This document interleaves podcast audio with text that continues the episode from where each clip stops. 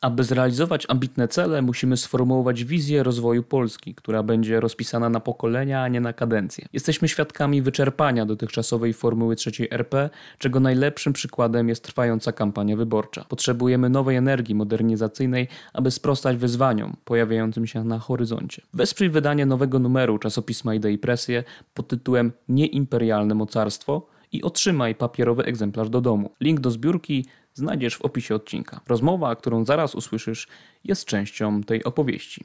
Witam wszystkich bardzo serdecznie w drugiej rozmowie promującej nieimperialne mocarstwo, najnowsze wydanie czasopisma Idei Presję. E, cały czas trwa e, zbiórka crowdfundingowa e, służąca wydaniu tego pisma. Jeśli wesprzecie naszą zbiórkę odpowiednią kwotą, no to możecie odebrać papierową wersję naszego czasopisma. To są żniste 230 stron metapolityki, geopolityki i, i różnych innych izmów tak sobie wymyśliłem promocję e, tej, e, tej teki, że w każdym tygodniu trwania zbiórki rozmawiam z innym znanym i lubianym youtuberem.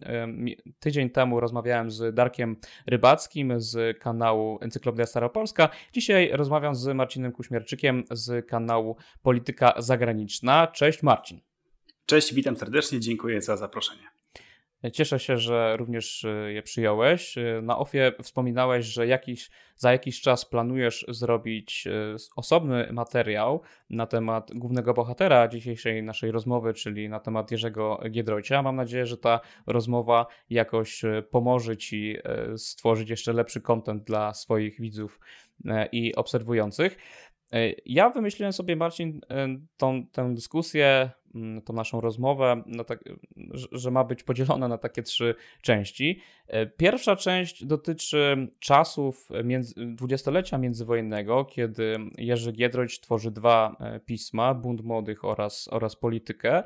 Ten okres działalności Jerzego Giedroycia nie jest chyba tak znany w Polsce jak ten okres powojenny, o którym też będziemy mówić i to jest ta druga część dzisiejszej rozmowy, ale tak się składa, że właśnie w nieimperialnym mocarstwie, w tej TC Presji bardzo mocno poświęcamy uwagę temu okresowi Giedroycia przedwojennego.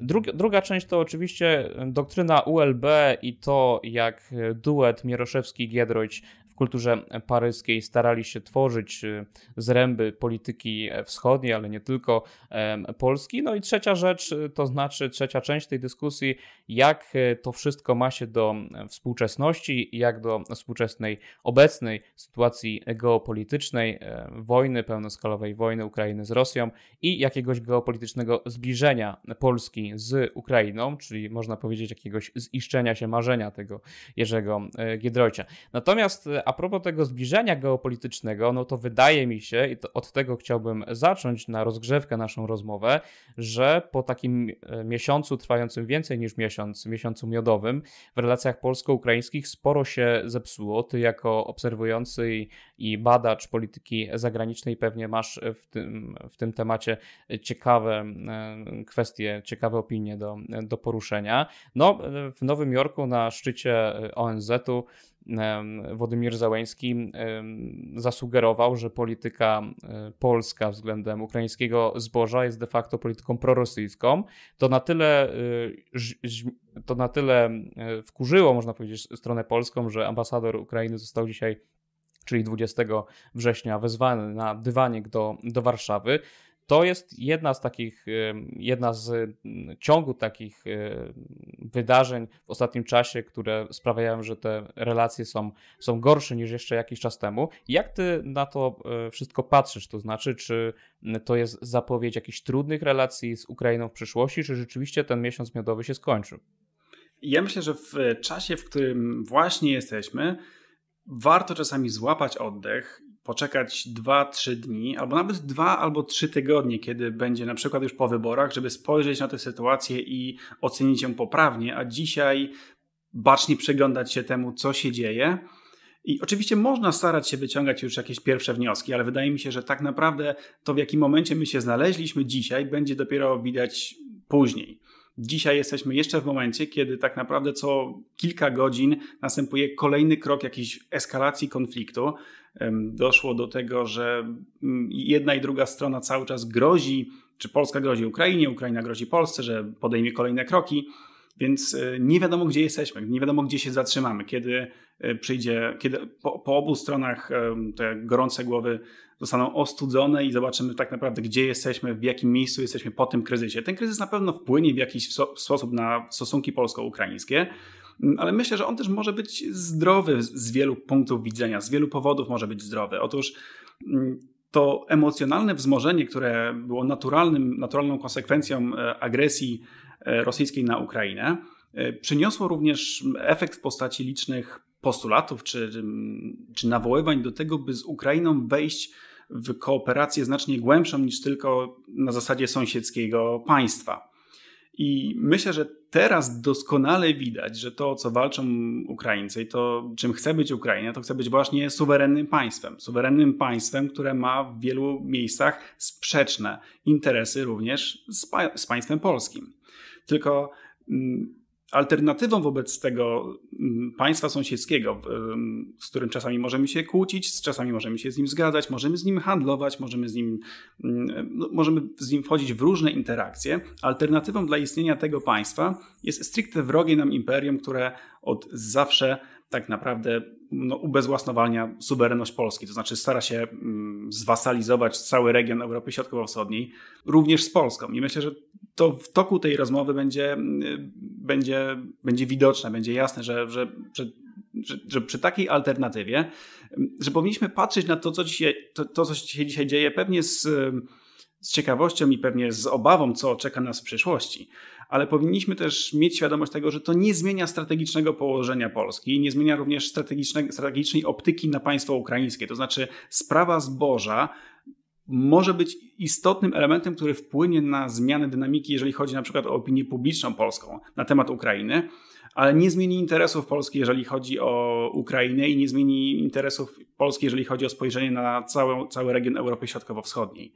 Nie sądzę, by była to kwestia, o której będziemy tak naprawdę za 2-3 lata pamiętać. E, więc w, w, w tych ogromnych emocjach, w których się znaleźliśmy, i my, ale przede wszystkim oczywiście Ukraińcy, no, powinni jednak, mówiąc kolokwialnie, wrzucić na luz i zobaczyć, że no, to nie jest tak, że głośnymi krzykami i groźbami da się da się cokolwiek tutaj wskórać. I to, co jest może, może najbardziej niepokojące i to, to, to co jest najbardziej no, smutne w całej tej sprawie, to jest to, że mamy, no, mamy sprawę, w której po prostu Polska i Ukraina mają ewidentnie sprzeczne interesy.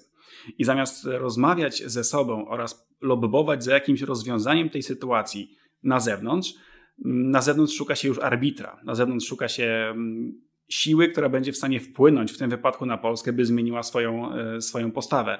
E, I to jest innymi Unia Europejska, czy właśnie Forum Ogólna Organizacji Narodów Zjednoczonych. No, w ten sposób na pewno nie zbuduje się trwałego partnerstwa e, polityczno-gospodarczego. Natomiast nie oznacza to, że w interesie Polski, Polski przestało być, przestało być ukraińskie zwycięstwo w wojnie obronnej przeciwko Federacji Rosyjskiej. Mhm.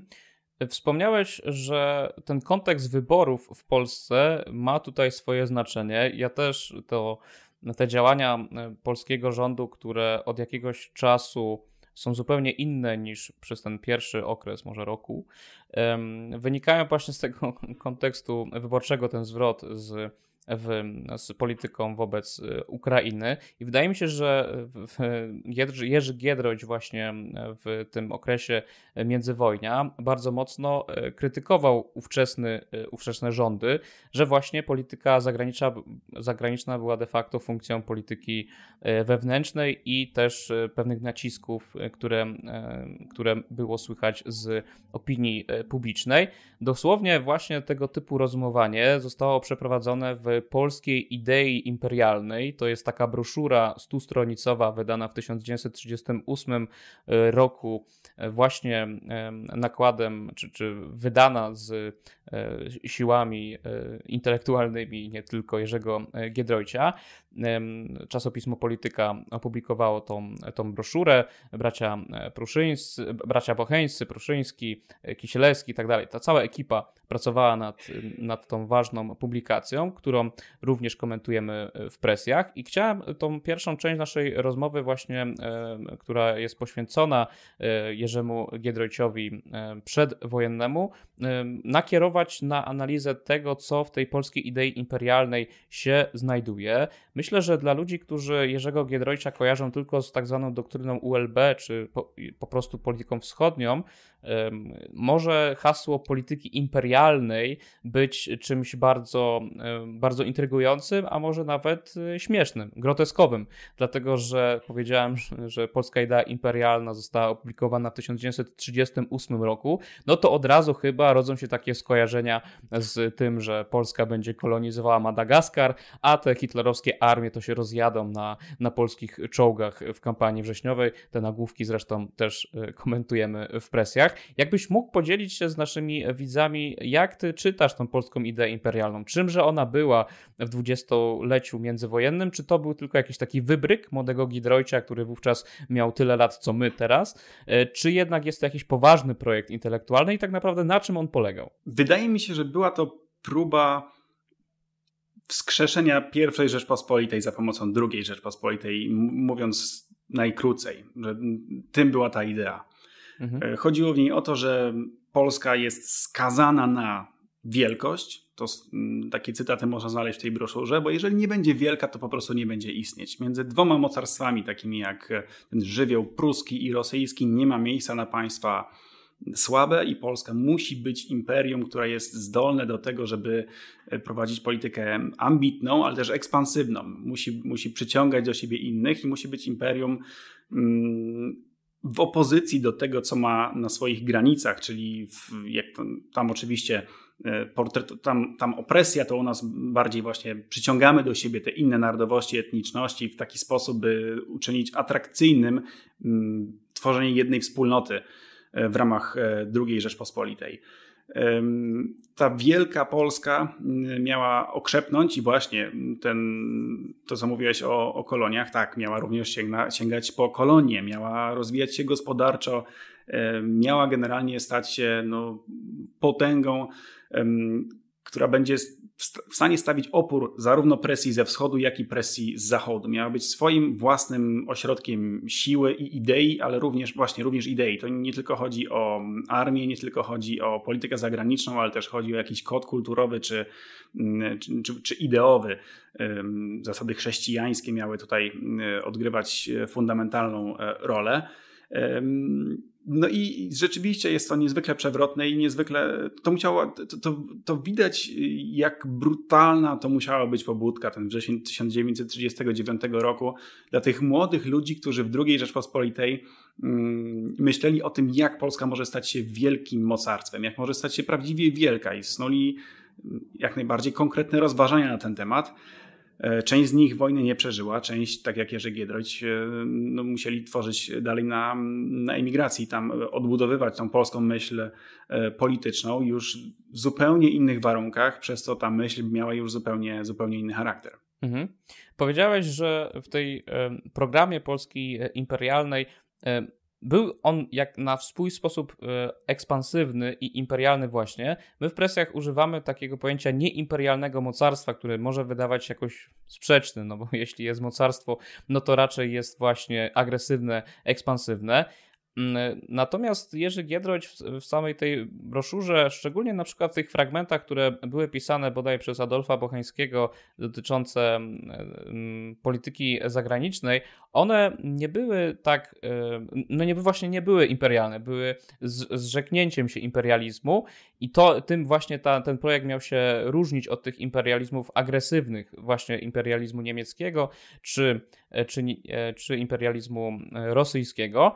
Natomiast to, co było ciekawe i co to jest na przykład podkreślane przez Macieja Zakrzewskiego, to jest autor który napisał książkę Rewolucja konserwatywna. To jest taka naj, najlepsza chyba na polskim rynku wydawniczym monografia poświęcona buntowi młodych i polityce, czyli właśnie młodemu Giedroyciowi. Wskazywał, wskazywał, że te imperialne hasła, czy na przykład hasło typu nowy nacjonalizm, to były hasła używane przez Giedroycia po to, żeby przekonać do siebie młode środowiska prawicowe, szczególnie bardzo mocno wówczas nastawione pronarodowościowo, pronacjonalistycznie e, młode środowiska e, prawicy.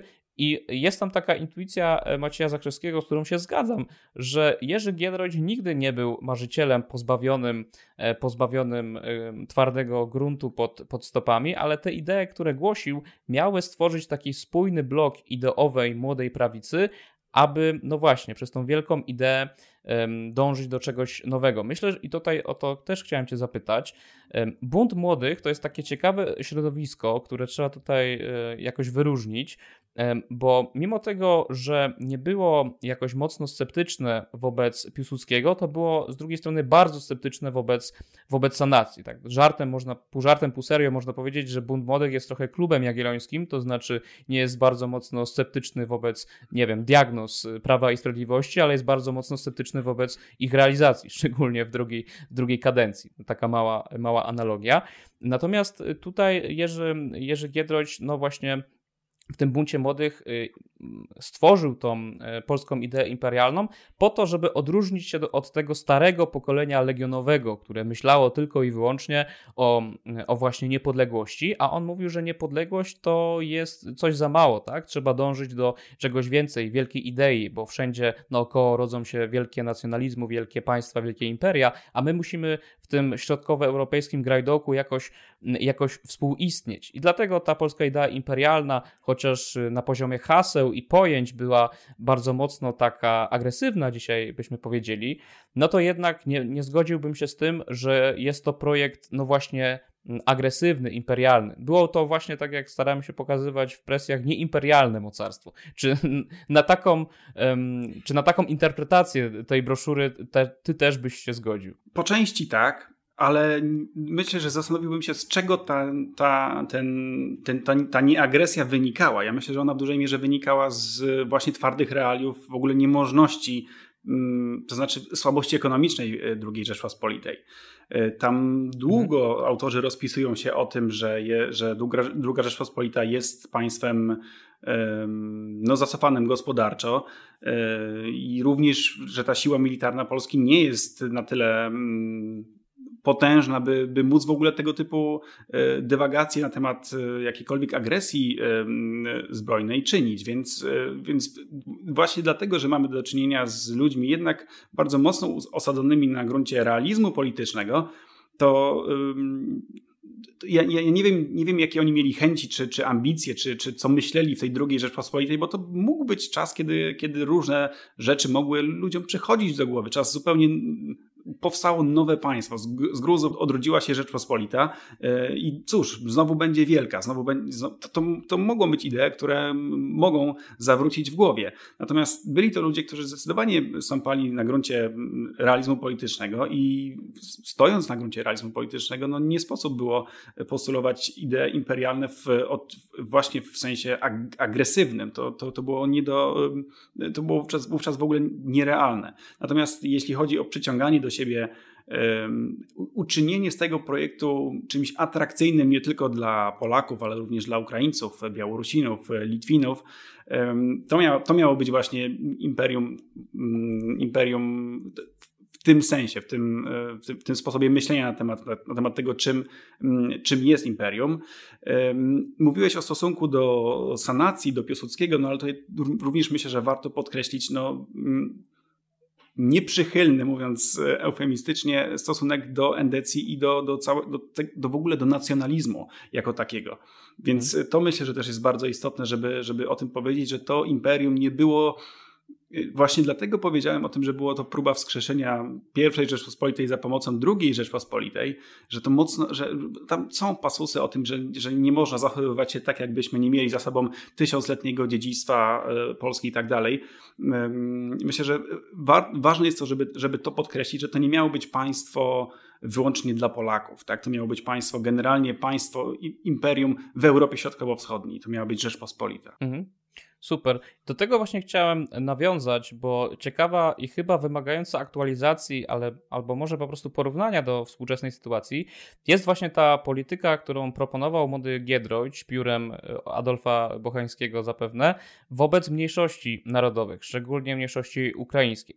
No, jest to taki projekt bardzo mocno, można powiedzieć, emancypacyjny dla, dla Ukraińców. Są tam słowa mówiące o pełnej E, pełnej autonomii e, kulturalnej. W ogóle, jak sam bardzo dobrze zauważyłeś, że, że był to taki projekt przyciągający narody środkowoeuropejskie do, tego, do tej wspólnej e, rodziny, tak.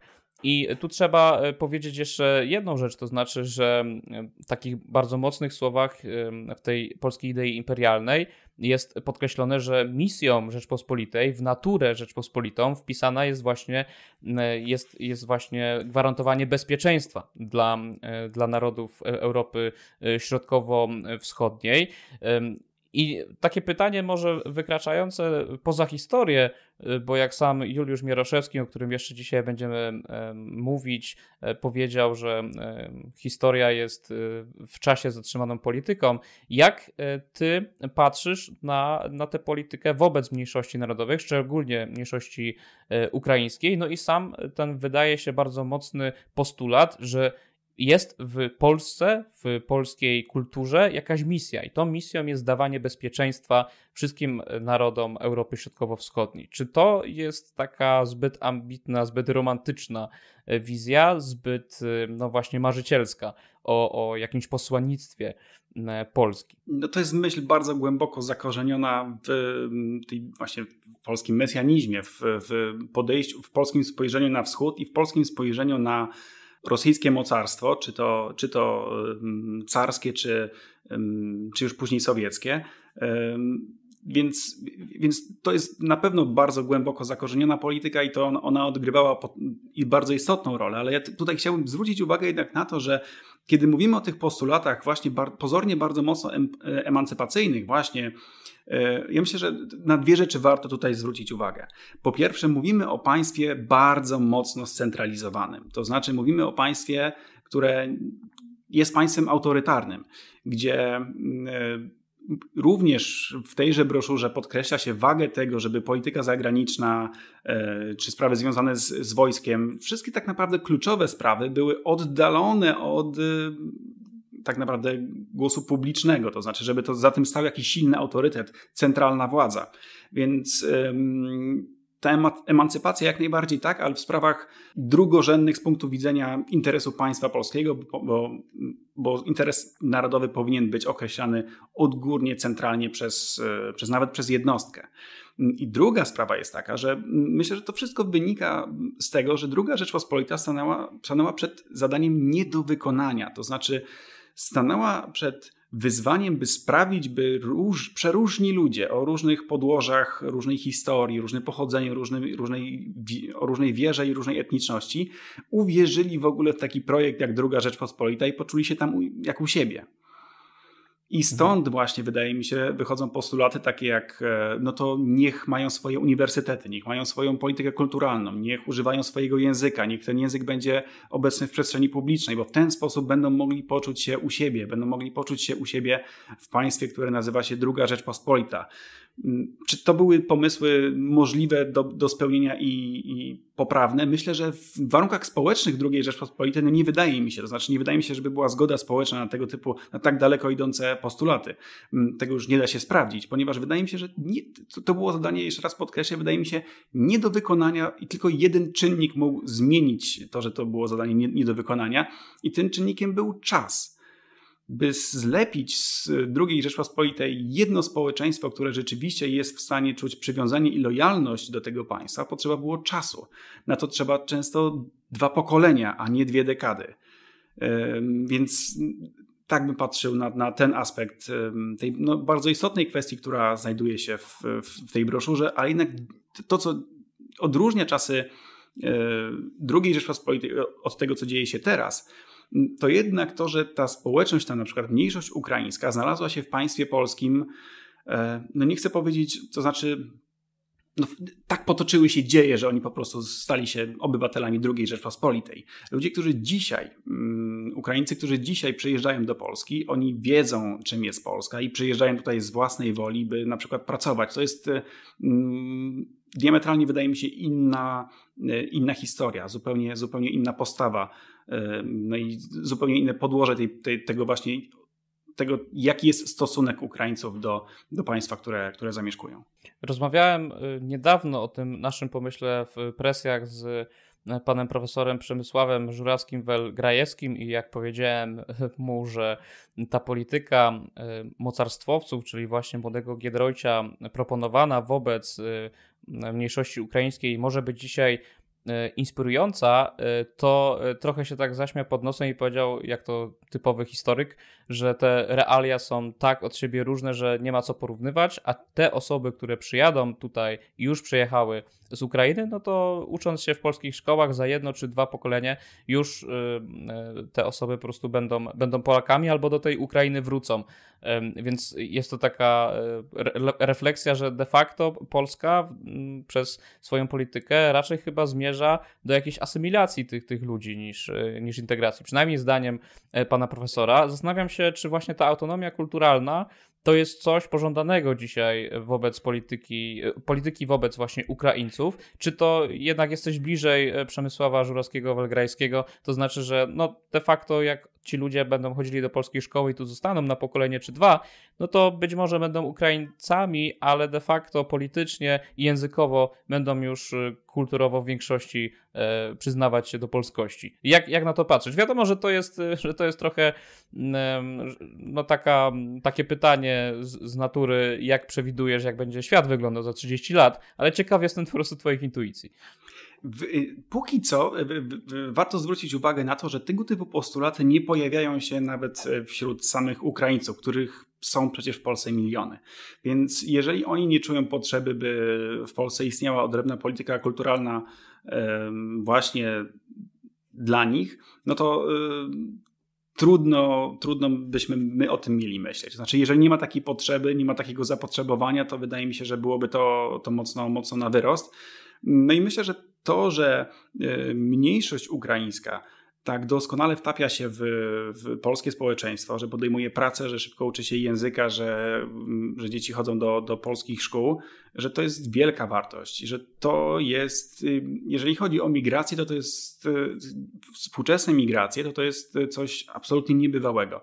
Nie sądzę, żebyśmy zdawali sobie w ogóle sprawę z tego, jak, jak, jak wielkie to jest wydarzenie, to znaczy, żeby taka ilość osób y, w tak e, naprawdę bezproblemowy sposób, sposób stosunkowo e, potrafiła e, no, zasymilować się bardzo szybko, podjąć pracę, no, być po prostu uczestnikami życia społecznego na tym poziomie, no właściwie każdym, tak? Dzisiaj każdy właściwie ma kontakt z, z Ukraińcami na, na każdym kroku i ciężko momentami wyobrazić sobie, jak miałaby już wyglądać na przykład polska gospodarka bez bez tak dużej ilości pracowników z Ukrainy. To prawda.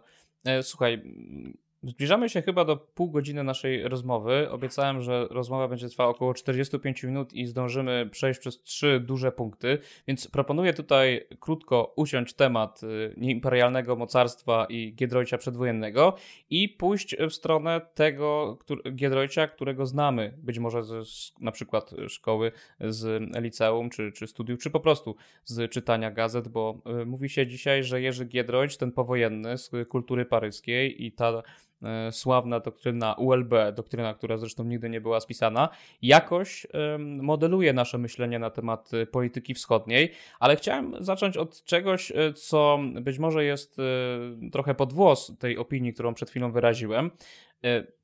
Jacek Bartosiak, czy też Bartłomiej Radziejewski jakiś czas temu, bodaj w 2018 roku, starali się chyba y, przekroczyć y, tą, te nasze imaginarium polityki wschodniej wykreowane przez Jerzego Giedroycia i Juliusza Mieroszewskiego i starali się jakoś krytykować to, co, to, co Giedroyć po sobie zostawił. Starali się na przykład mówić o tym, że Ukraina, że wspieranie Ukrainy i Litwy i Białorusi trzeba z polskiej perspektywy jakby uprawiać taką politykę właśnie bardzo prowschodnią dla tych, dla tych narodów, nawet przeciwko interesowi Polski i de facto całą tą doktrynę Giedroycia można byłoby sprowadzić do takiego stwierdzenia, żeby no właśnie na wschodzie Europy wprowadzić jak najmocniej zachód Europy.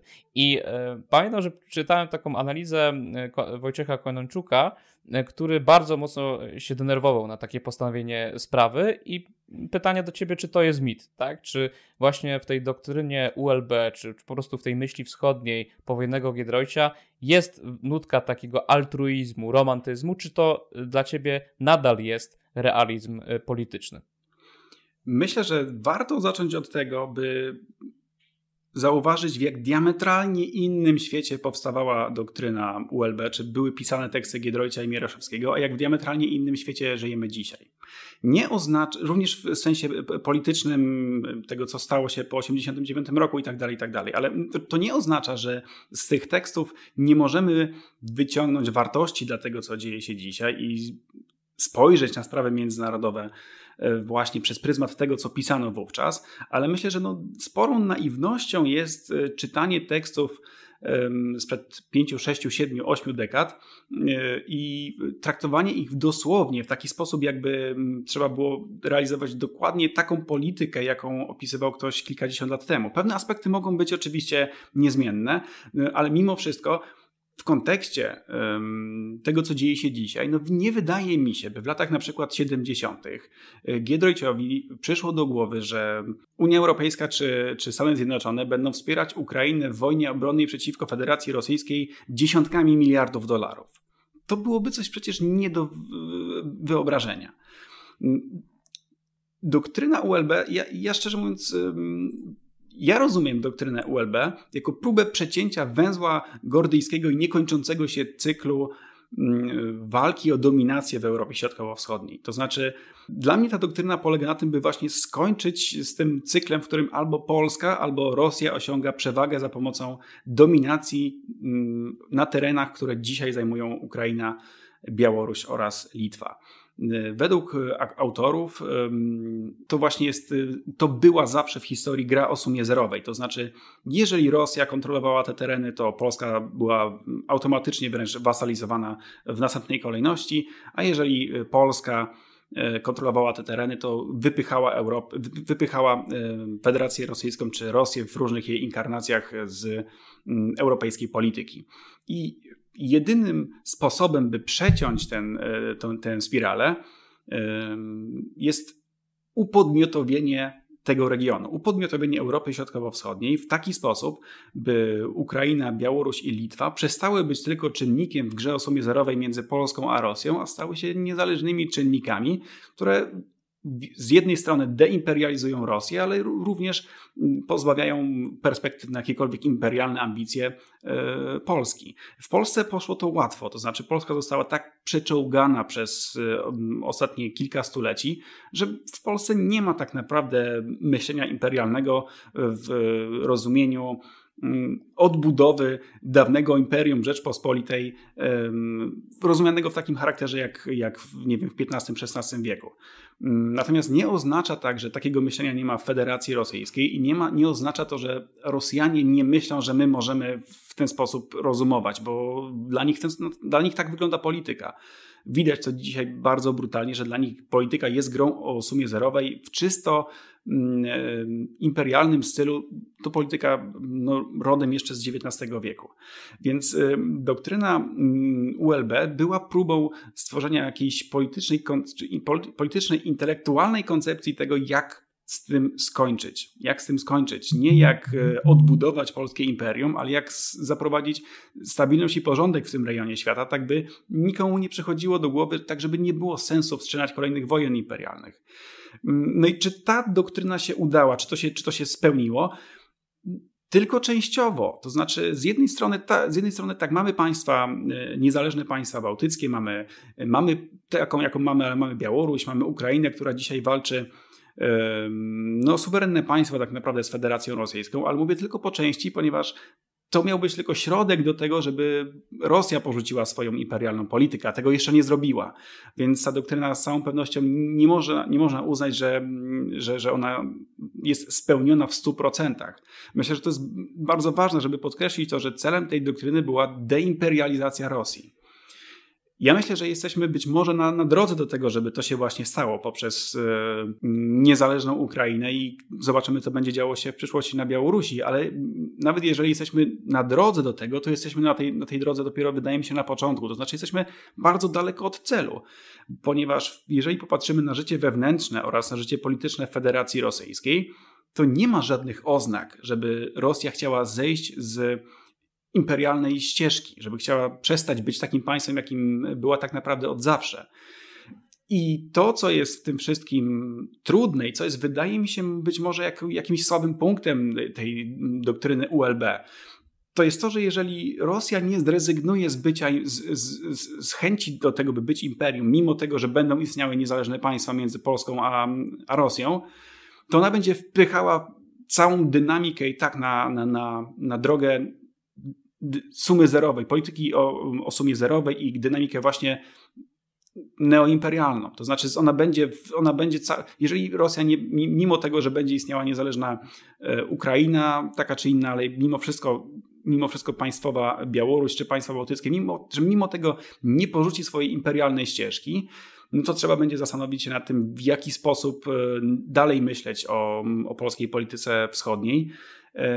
I oczywiście to, gdzie są źródła tej polityki, do również Giedroycia, ale do tego, co było wcześniej, do tego, co działo się w, na wcześniejszej migracji, czy tam hotelu Lambert, czy, czy, czy co pisał Mickiewicz, czy, czy, czy, czy różnych innych treści, e, które powstały, przemyśleń Polaków i nie tylko na temat polityki wschodniej, będzie można do nich sięgać, ale za każdym razem trzeba będzie jednak te doktryny formułować mimo wszystko w jakiś sposób na nowo, czerpiąc z tego, co zdarzyło się w przeszłości, no ale mimo wszystko dostosowywać to do nowych, nowych realiów. Polityka zagraniczna, szczególnie takiego państwa jak Polska, musi w dużej mierze polegać na trafnym rozpoznawaniu sytuacji oraz adekwatnym dobieraniu narzędzi do tego, żeby realizować swoją politykę w danym czasie. Polska nie jest państwem, które może stale prowadzić niezmienną politykę, niezależnie od tego, co dzieje się dookoła nas. Jesteśmy państwem średnim, które jest skazane na to, by wykorzystywać szanse, które, które stwarza przed nią, stwarzają przed, nią, przed, przed Polską dzieje i bronić się przed zagrożeniami, które również e, niesie los. Więc my nie, jest, nie, nie możemy być zapatrzeni w przeszłość i myśleć, że wszystko już wymyśliliśmy. Myślę, że to byłoby błędem, ale oczywiście doktryna ULB i, i to, co mm, stworzyła, stworzyła cała społeczność związana z, z, z, kulturą paryską, jest wielkim dorobkiem, na którym można stawiać kolejne, kolejne piętra tej budowli. Zanim jeszcze przejdziemy do tej części właśnie, która ma e, dążyć do aktualizacji tej, tej myśli e, i starać się opowiadać politykę wschodnią w kontekście no, wojny ukraińsko-rosyjskiej, też no, geopolitycznego trzęsienia ziemi, które, które dla Polski ten, ten konflikt przyniósł i, i, nadal przynosi, to chciałem jeszcze krótko odnieść się do tego, co powiedziałeś o, o samej doktrynie ULB i przeczytać fragment, który jakoś bardzo mocno pasuje do, do tych Twoich słów o, słów o imperializmie, którego trzeba się zrzec po, po obu stronach.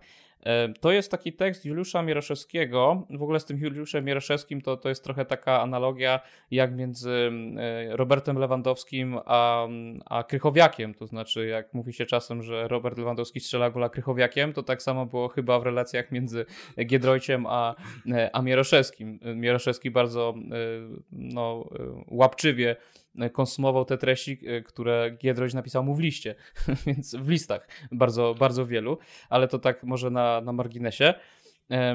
Jest taki tekst z 74 roku i proszę, drodzy e, Państwo, zauważyć, jaki, jaki to jest e, tekst, jak, jak późno napisany. Rosyjski kompleks i obszar ULB. I tutaj pada te kluczowe, kluczowe zdanie, kluczowe zdania, o których ty też również mówiłeś. E, cytuję: Nie możemy gardłować, że Rosjanie winni oddać Ukraińcom Kijów i równocześnie głosić, że Lwów musi wrócić do Polski. To jest owa podwójna buchalteria, która w przeszłości uniemożliwiła nam przełamanie bariery historycznej nieufności między Polską a Rosją. Rosjanie podejrzewali, że jesteśmy antyimperialistami, lecz tylko w stosunku do Rosjan. To znaczy, że imperializm rosyjski pragniemy zastąpić imperializmem polskim. To ciekawe to, że w tym artykule e, są e, kładzione akcenty na dwie sprawy. Po pierwsze, że nadal na tak zwanej imigracji, czy to londyńskiej, czy, czy, czy szeroko w ogóle zachodniej, wtedy kiedy Polska, Polska była komunistyczna, dalej utrzymywano w niektórych kręgach, może nie wprost to komunikując, że w nowej Polsce, wolnej Polsce przyszłości, którą oni sobie wówczas wyobrażali, no jakoś jest takie oczekiwanie, żeby te granice wróciły do, do tych granic sprzed 1939 roku. Natomiast y, tutaj wprost w tym 74 roku, ale przecież już i wcześniej, y, Mieroszewski i Giedroyć mówią, że to jest droga donikąd, bo właśnie wówczas no, znowu wejdziemy w tą grę o sumie zerowej, to znaczy, że wejdziemy na grunt imperializmu polskiego, bo mamy do czynienia z nowoczesnym, już, już bardzo mocno ukonstytuowanym narodem ukraińskim i w ogóle nie ma, nie ma co e, marzyć o, o tym Lwowie i to jest jeden wątek, e, który też jest istotny, tak? to znaczy zrzeknięcie się Wilna, Lwowa, co, co dzisiaj dla nas to jest oczywiste, natomiast dla tego pokolenia, które, które walczyło i pamiętało wrzesień 1939 roku, no to zrzeknięcie się tego jest, było czymś, czymś bardzo E, przekraczającym wyobraźnię, wyobraźnię polityczną i też e, jakiegoś swego rodzaju odwagą, mówiąc, że tak, to jest realizm polityczny, trzeba się tego zrzec. E, I druga rzecz, która w tym artykule jest ciekawa i ciekawe, czy ty masz jakieś opinie na ten temat, chociaż chyba wiem, że na twojej kanale był jakiś taki film poświęcony temu, jak Polska jest opowiadana za granicą, jeśli nie, to mnie popraw, ale jedna część tego artykułu Mieroszewskiego z 1974 roku była poświęcona temu, że Rosjanie dalej uważają, że, że Polska jest i będzie imperialna. Mieroszewski cytuje tam jakiegoś Rosjanina, bodaj ambasadora, który, który w 1944 roku w czasie powstania warszawskiego jakoś obawiał się, że ten imperializm y, y, w końcu się obudzi w 1944 roku, gdzie Polska była na kolanach. Czy ty obserwując to, jak propaganda rosyjska przedstawia nas, widzisz to samo, że Polska dalej tam jest imperialna, jest zagrożeniem dla, dla Rosji i ten kompleks, y, kompleks kompleks rosyjski na temat Polski, on trwa nieprzerwanie od tego 74 roku co najmniej, jak, jak opisywał Mieroszewski. Nie, zdecydowanie, zdecydowanie. Jeżeli zobaczymy na, e, na linię rosyjskiej propagandy, jeżeli chodzi na przykład o wojnę na Ukrainie, no to przecież jednym z istotnych wątków było to, że Polska z całą mm. pewnością pragnie rozbioru Ukrainy i już się szykuje do tego, żeby tam wejść, bo chce sięgnąć po, po Lwów. To jest e, myśl, która w, w Rosji obecna jest na każdym kroku e, i, i jak najbardziej. Rosjanie portretują, to, to jest taka taka dychotomia, to znaczy z jednej strony jesteśmy państwem słabym i jesteśmy państwem zależnym od Stanów Zjednoczonych, nie mamy nic sami do powiedzenia, jesteśmy tylko takim szczekającym pieskiem, który prosi o to, żeby silni yy, robili to albo coś innego. No, ale z drugiej strony właśnie jesteśmy państwem, które nic nie czyni podstępne kroki, żeby, żeby odbudować swoje, swoje wielkie upadłe mm, imperium. Myślę, że bardzo zdrowe jest to, że w polskim społeczeństwie nikt o Polsce jako o przyszłym imperium nie myśli. Przynajmniej nie, nie ma, nikt, nikt nie ma takich ambicji, nie ma żadnych roszczeń do. I, to, to jest w ogóle bardzo ciekawa sprawa. Y, mało jest, y, niewiele jest rzeczy pozytywnych, które można powiedzieć o y, o PRL-u, albo które ja mógłbym powiedzieć o PRL-u, ale no, to, że z tego po tym 89 roku odrodziło się państwo, którego społeczeństwo całkowicie było wyzbyte tego typu, tego typu mentalności, to jest coś, co jest naprawdę warte odnotowania, bo to wcale nie było takie oczywiste, to nie było takie oczywiste również dla, dla Giedroycia, który już zresztą nie chcę tutaj e, być oskarżony o ageism, e, ale no wchodząc w dziewiątą dekadę swojego życia, wyda, no, nie do końca wydaje mi się trafnie definiował to, co, to, co może nastąpić po 1989 roku, bo trochę to wyglądało tak, jakby oczekiwał wskrzeszenia sporów II Rzeczpospolitej w tej trzeciej Rzeczpospolitej. Tymczasem to, to, to społeczeństwo było przecież całkiem no, diametralnie inne.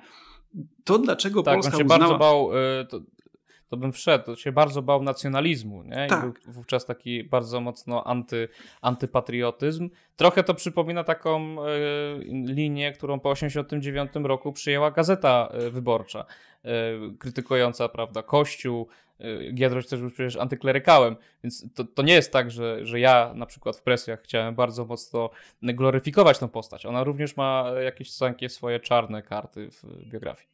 Tak, y, y, myślę, że właśnie, że sukces doktryny y, ULB po 1989 roku, czyli tego, że Polska tak szybko zaakceptowała wspierała niepodległość państw takich jak Ukraina, Białoruś, Litwa i generalnie państwa bałtyckie, on po części tylko i nie wydaje mi się, że przytłaczającej części wynikał z tego, że istniała taka koncepcja, która była intelektualnie opracowana i, którą, na której wychowały się polskie elity. No ja nie sądzę, szczerze mówiąc, by polskie elity tak dużo czytały w ogóle, a tak dużo czytały rzeczy bardzo e, poważnych, płynących tego typu analiz politycznych, to te treści docierały tak naprawdę do garstki osób. Te, te, to pismo wychodziło w kilkutysięcznym um, nakładzie.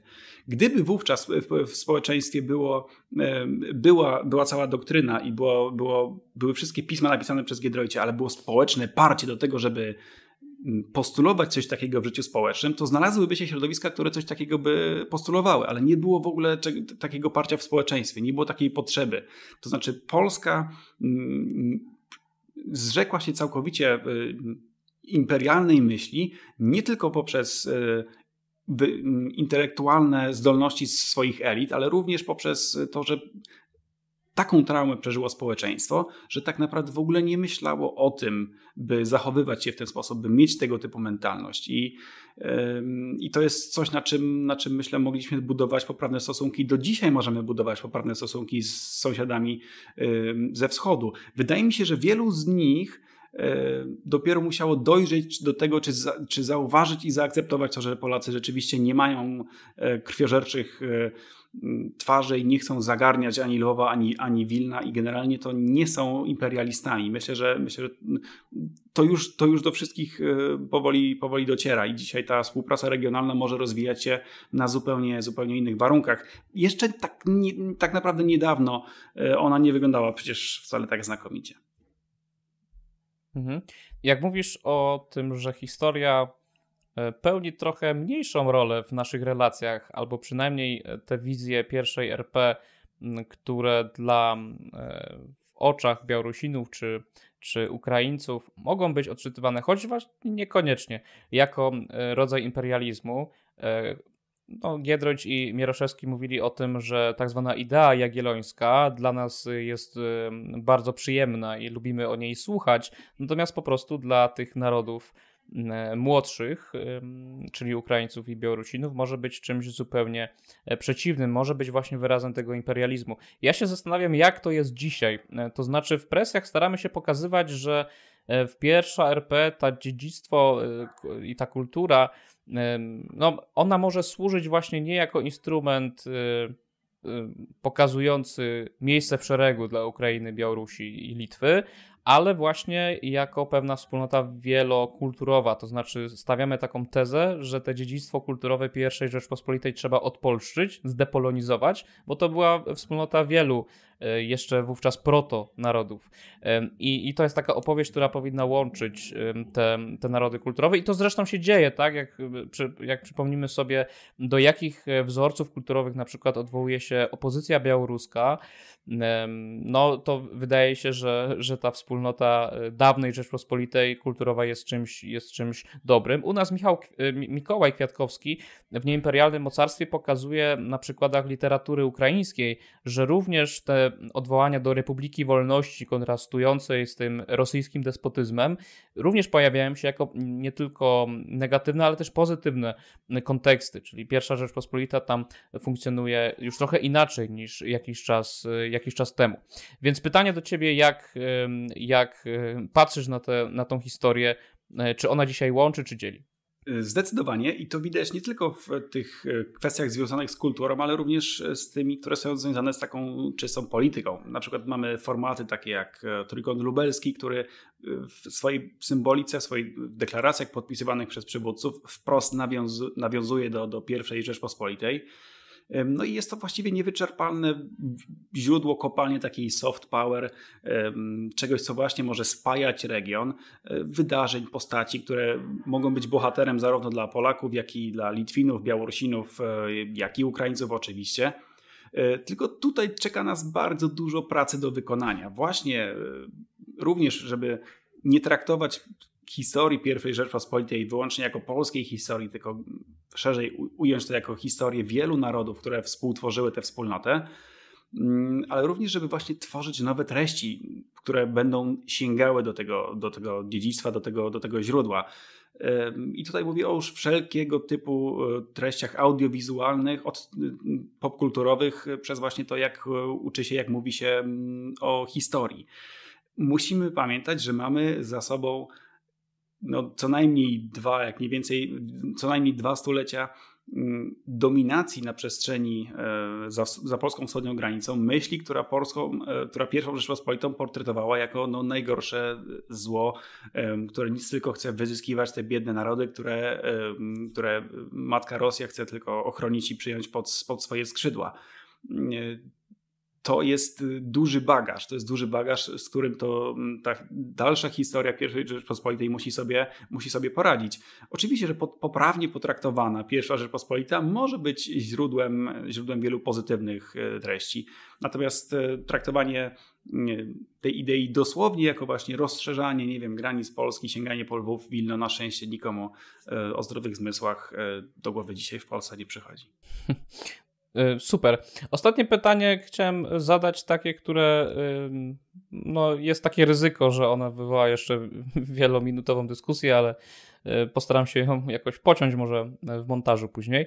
No bo to nie jest tak, że historia dawnej Rzeczpospolitej, czy po prostu przeszłość wspólna tylko i wyłącznie nas łączy. Bardzo no, szerokim echem rozchodzą się te wszystkie informacje dotyczące rzezi e, wołyńskiej. Ja na tym kanale jeszcze będę o, o, tym, o tej sprawie mówił, w ogóle o stosunkach polsko-ukraińskich przez pryzmat e, historii. Natomiast chciałem zadać Ci pytanie, jak Ty widzisz przyszłość tych, tych stosunków polsko-ukraińskich i czy te symboliczne nasze spory o przeszłość, czy one są właśnie tylko symboliczne, tak? Czy, czy upamiętnianie ofiar rzezi e, wołyńskiej no, stoi jakoś e, na, w, w, tych relacjach i utrudnia po prostu budowanie wzajemnego zaufania. Chciałem po prostu to, to, tym pytaniem otworzyć może taki ostatni już dzisiaj temat, to znaczy o przyszłości stosunków polsko ukraińskich szczególnie, no bo jak rozumiem stosunki polsko-litewskie no, rządzą się trochę innymi e, prawami, natomiast stosunki polsko-białoruskie są e, z perspektywy geopolitycznej dzisiaj no, trudne do, do opisywania z jakimś bardzo wielkim optymizmem. Skupmy się na Ukrainie, o przyszłość i o te historyczne rzeczy, które nas dzielą, a nie łączą. Historyczne e, kwestie, przede wszystkim oczywiście rzeź wołyńska, będzie dzielić Polaków i Ukraińców tak długo, jak Ukraińcy będą kontynuowali swoją politykę wobec tej sprawy. Nie ma co tutaj dopatrywać się żadnej symetrii, szukać jakichś, jakichś okrągłych słów. Myślę, że trzeba powiedzieć wprost, że polityka ukraińskiego państwa względem tej kwestii jest no, zupełnie niedopuszczalna. Wiadomo, że są drobne zmiany, wiadomo, że sprawa posuwa się troszeczkę do przodu, mm, ale nie jest to kwestia, która wymagała, która powinna e, przykuwać tak dużą uwagę e, polityków, e, opinii publicznej powinno po prostu dziać się w tle, powinno to się powinno bez przeszkód upamiętniać, to powinno bez przeszkód e, powinno się dokonywać ekshumacji i, i, i dokonywać pochówku ofiar rzezi wołyńskiej. Wydaje mi się to zupełnie oczywiste i wydaje mi się to gdyby ta sprawa była załatwiona w sposób, e, w sposób e, odpowiedni od początku, ona nawet nie byłaby w stanie urosnąć do tego, czym jest, czym jest dzisiaj. Oczywiście już jest za późno, nie ma co w ogóle wracać do e, być może zbyt odległej historii, ale z całą pewnością tego, ta, ta kwestia będzie kością niezgody, tylko ona nie zmienia z, z, znowu strategicznego spojrzenia Polski na Ukrainę. Czy nam się to podoba, czy nie.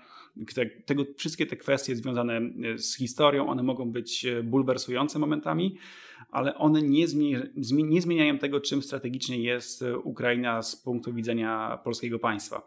I to właśnie e, myślę jest dobre podsumowanie, e, również nawiązując do, do właśnie Giedroycia, to znaczy Ukraina, będąca częścią Imperium Rosyjskiego, sprawia, że Rosja jest właśnie imperium.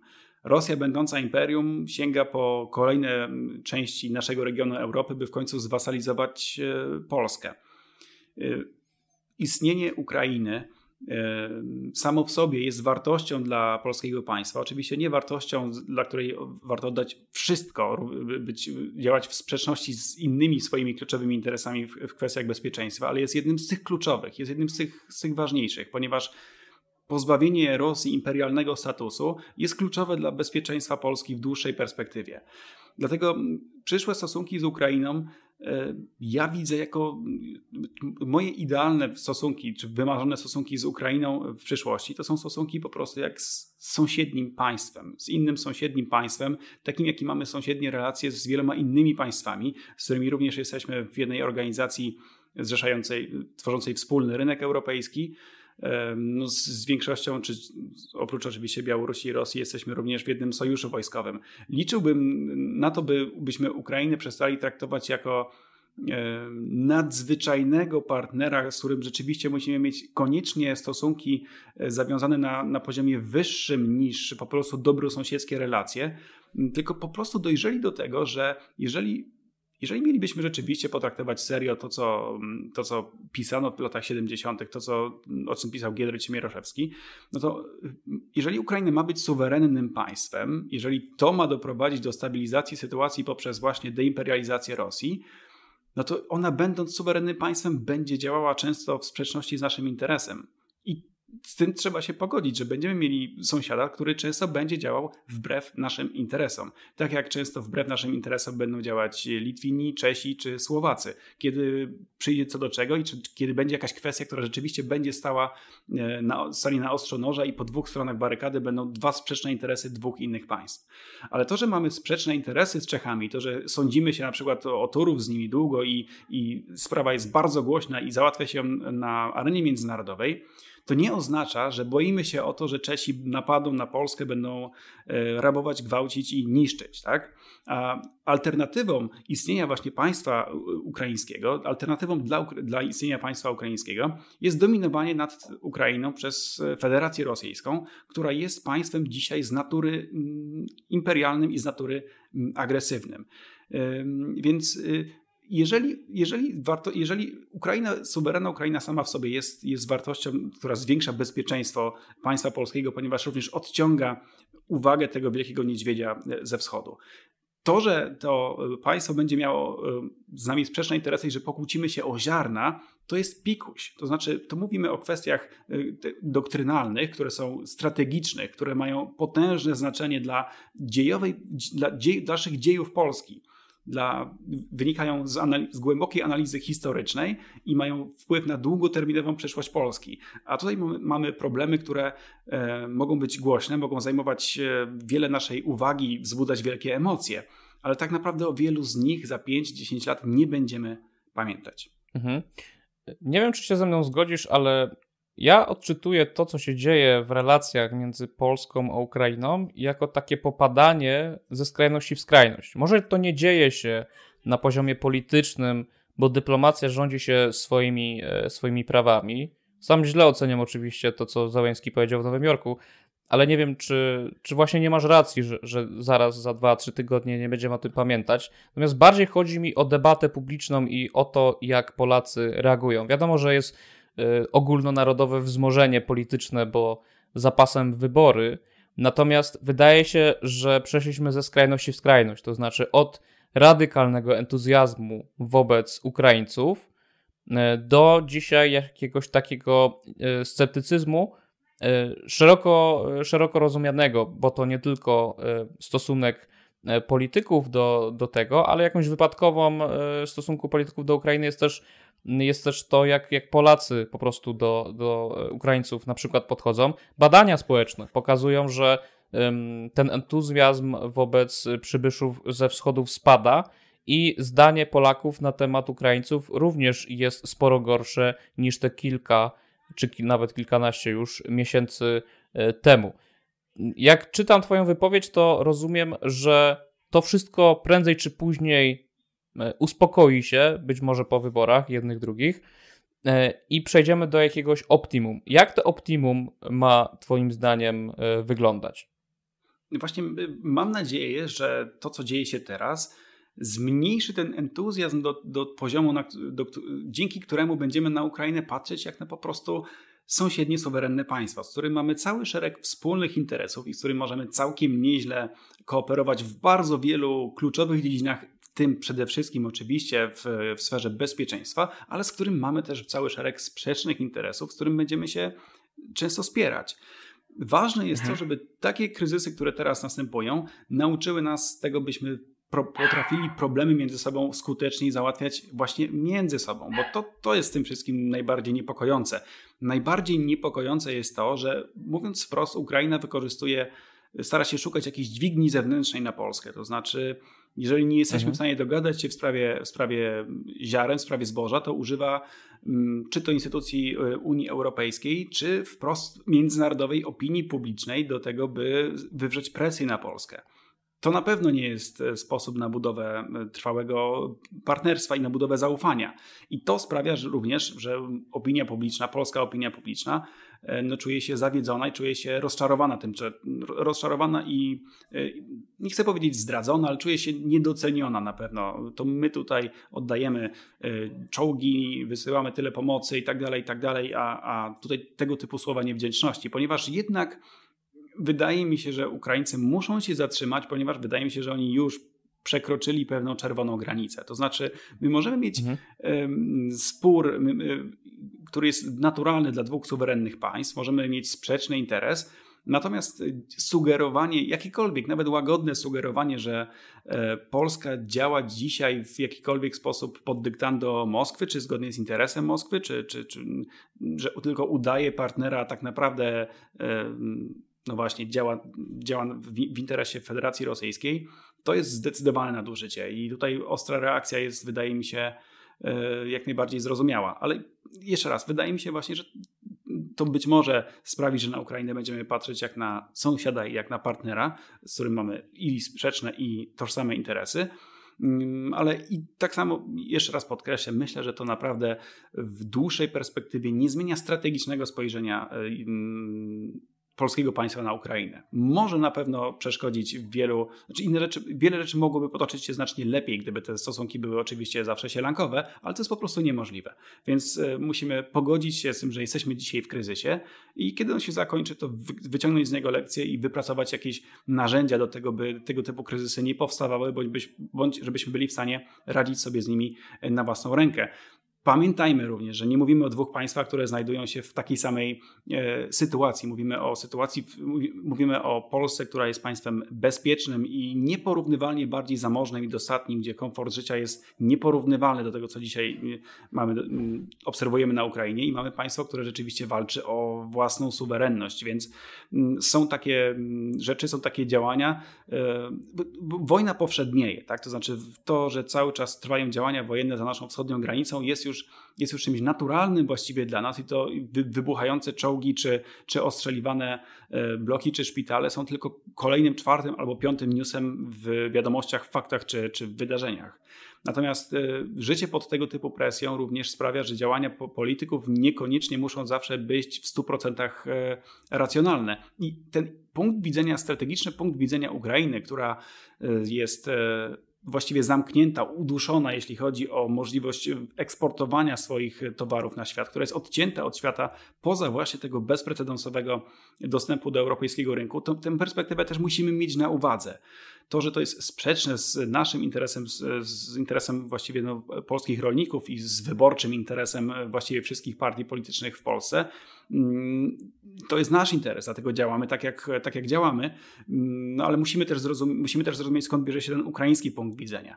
Jestem przekonany, że da się tę sprawę w jakiś sposób e, załatwić, na przykład poprzez um, intensywne dopłaty do tego, by ten eksport tego zboża, by nie, nie sprzedaż tego zboża w Polsce, ale właśnie eksport poprzez Polskę stał się bardziej opłacalny. I to jest coś, co na przykład wspólnie Polska i Ukraina mogłaby z korzyścią dla obu stron wylobować na przykład w instytucjach europejskich, zamiast używać instytucji europejskich do tego, by bić się wzajemnie po głowach. I tym optymistycznym akcentem chciałem skończyć tą rozmowę. Bardzo fajna klamra nam się zrobiła, bo zaczęliśmy od, od Nowego Jorku i słów Zełańskiego i na nich skończyliśmy. W całym, całej przestrzeni pomiędzy było bardzo dużo Jerzego Giedroycia. Jeśli ta rozmowa e, Wam się podobała, dajcie łapkę w górę, zasubskrybujcie e, nasz kanał. Jeśli E, nie znacie Marcina Kuśmierczyka i polityki zagranicznej, jego kanału, to, to również zapraszam tam mnóstwo regularnie publikowanych treści i przypominam, że cały czas trwa zbiórka na nieimperialne mocarstwo. Wspierając naszą zbiórkę możesz otrzymać do domu papierowy egzemplarz tego sążnistego sążnistego utworu, można powiedzieć, Klubu Jagiellońskiego. Na 230 stronach rozpisujemy się no, na wielu tematach, te, takich również, które dzisiaj tutaj podejmowaliśmy. Bardzo Ci dziękuję, Marcinie, za, za rozmowę. No i co? Mam nadzieję, że kiedyś jeszcze zawitasz na nasz kanał albo przyjdziesz na spotkanie do Krakowa lub do Warszawy. Bardzo było mi, mi, miło, dziękuję bardzo za zaproszenie. Do Krakowa mam znacznie bliżej i szczerze mówiąc wolę Kraków niż Warszawę, więc chętniej wybiorę się do Warszawy, ale do, do, do Krakowa, ale do, jeśli, jeśli będzie coś ciekawego działo się w Warszawie, to również nie ma żadnego problemu. E, pojawię się z wielką chęcią, wielka przyjemność, dziękuję i na pewno do zobaczenia.